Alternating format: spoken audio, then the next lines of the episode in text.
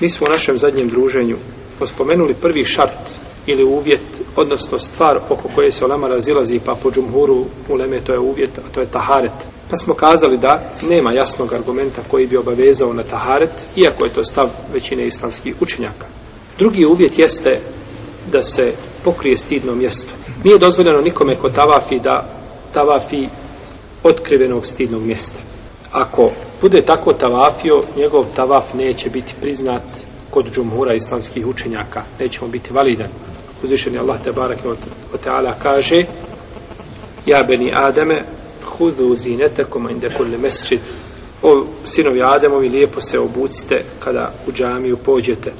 I došlo je u hadisu Ebu Horele da mu je naredio Ebu Bekar radijallahu talanhu a prije oprosnog hađa kada je poslao znači Ebu Bekra kao vođu te skupine da oglasi posle ove godine hađ ne može obavljati mušrik i ne može tavafiti niko oko Keabe bez odjeće.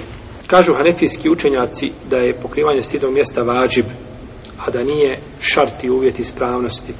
Ko bi tavafio bez odjeće kod džumhura u Leme, njegov tavaf bi bio batel. A kod hanefijski učenjaka morao bi se iskupiti, morao bi znači zaklati ovcu. Treći uvjet jeste da tavafi oko keabe, da tavafi oko keabe, da ne prolazi kroz keabu. Pa kada bi prošao između keabe i onoga polukružnog zida, koga kažu Hidžer Ismail, jel, njegov tavaf bi bio neispravan, odnosno taj krug bi bio neispravan, bio bi batel. Jer je el hijru min el bejt, taj kamen je sastavni dio kuće, odnosno Kabe, kako je rekao poslanik sallallahu alaihi sallam, no međutim Kurešije ga nisu završile zato što nisu imala dovoljno halal obskrbe, odnosno nisu imali halal imetka da dovrše, pa je ostao, znači, a, u onom obliku kako jeste. Samo su stavili, znači, jedan zid da se zna da je to sastavni dio Kabe, pa kada bi čovjek prošao između Kabe hijđu Ismaila kao da je prošao kroz Kjabu. Kao da je prošao kroz Kjabu i to ne bi bilo validno. Hanefijski učenjaci kažu ako bi prošao kroz morao bi ponoviti ako je u Meki u protivnom bi morao poslati žrtvu da se zakolje odnosno da se zakolje ili kurban u Meki ispravno je mišljenje Džumhura u Leme da je to sastavni dio Kjabe i da nije dozvoljeno tavafti kroz Kjabu nego se mora proći okolo Kjabu Četvrti i peti uvjet jeste da počne tavaf od crnog kamena i da završi kod crnog kamena. To je četvrti i peti da učini keabu sa njegove koje strane? Lijeve strane. Da učini keabu sa njegove lijeve strane. Jer došlo od Isu Džabira da je poslanik sallallahu sallam kada je tavafio da je tavafio oko keabe na takav način kako došlo u Hadisu, podružen u Hadisu Džabira i uzvišeni Allah kaže koji je tavofu bil bejtelatik i neka obiđu oko stare kuće kukjabe a poslanik je sa osrem pojasnio kako izgleda taj obilazak pa je taj obilazak od njegove stvarnosti pa kada bi čovjek išao suprotno tavafio ne bi mu to bilo vali men amile men amile amelen lejse alehi emruna fehu rad ko uradi nešto što nije od naše upute, to se vraća, ne prihvata se. Šesti uvjet jeste da tavafi punih sedam krugova. Da tavafi puni sedam krugova. Znači, ako tavafi je manje jedan korak, kada bi mu falio da uđe u sedmi, da završi sedmi krug, do crnog kamena ne bi mu bilo validno. Ne bi mu bilo validno. I to je stav džumhura u leme. Mora obići, znači, sedam punih krug. Hanefijski učenjaci kažu da je dovoljno da se tavafi većinski dio ovoga, a da je ostalo vađib da nije rukn.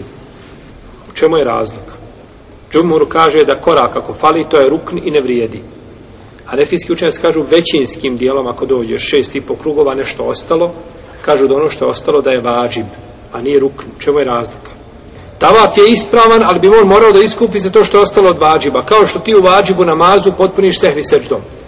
To ti je na, na, na popravljaš grešku, vađib koju izostaviš na hađu, kurbanom.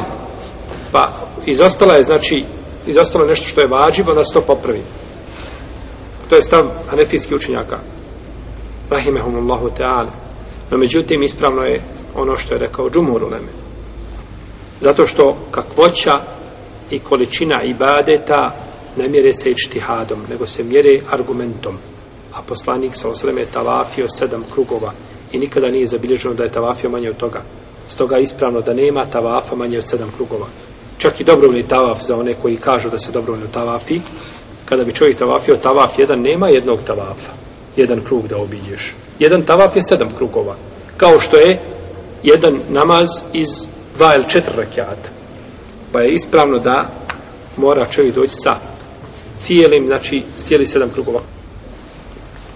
Ako čovjek koji tavafi sumnja u broj onih krugova koje je napravio ili tavafa od onih sedam, onda će uzeti za jekin, a to je uglavnom biva manje. Znači, ako ne znaš tri ili četiri, kazat ćeš, računat ću ga treći, pa ćeš tavafiti.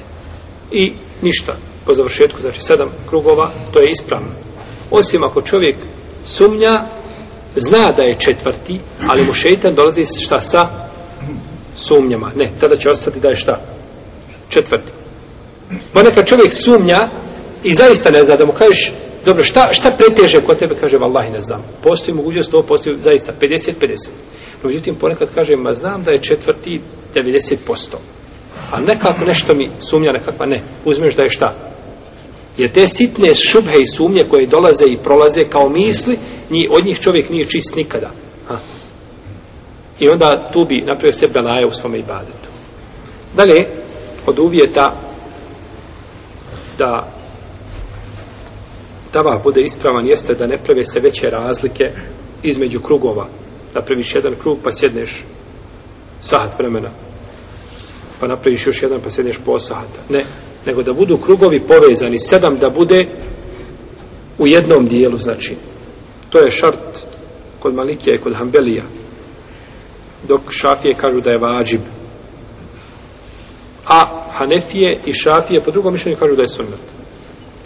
Ne znam da postoji jasan argument, osim postupak poslanika sa osvrame koji je pojasnio kako se ta vafi. U svakom slučaju preće i bolje praviti, ne praviti razne prekide. Osim ako je čovjek taj prekid da je, na primjer, dode da promijeni abdest. Kod onoga ko smatra da je abdest šta? Šart, je tako? Pa čovjek izgubi abdest i kaže, ne, ali ja se držim mišljenja džumura u Leme, ja moram imati abdest kad tavafim. I ode da promijeni, to ne smeta, tamo se i zabovio. Ili čovjek se umorio pa malo sjedne da odmori ili da se napije vode i sliče o tome, ne smeta. Inša Allah, u tom slučaju neće smetiti ovaj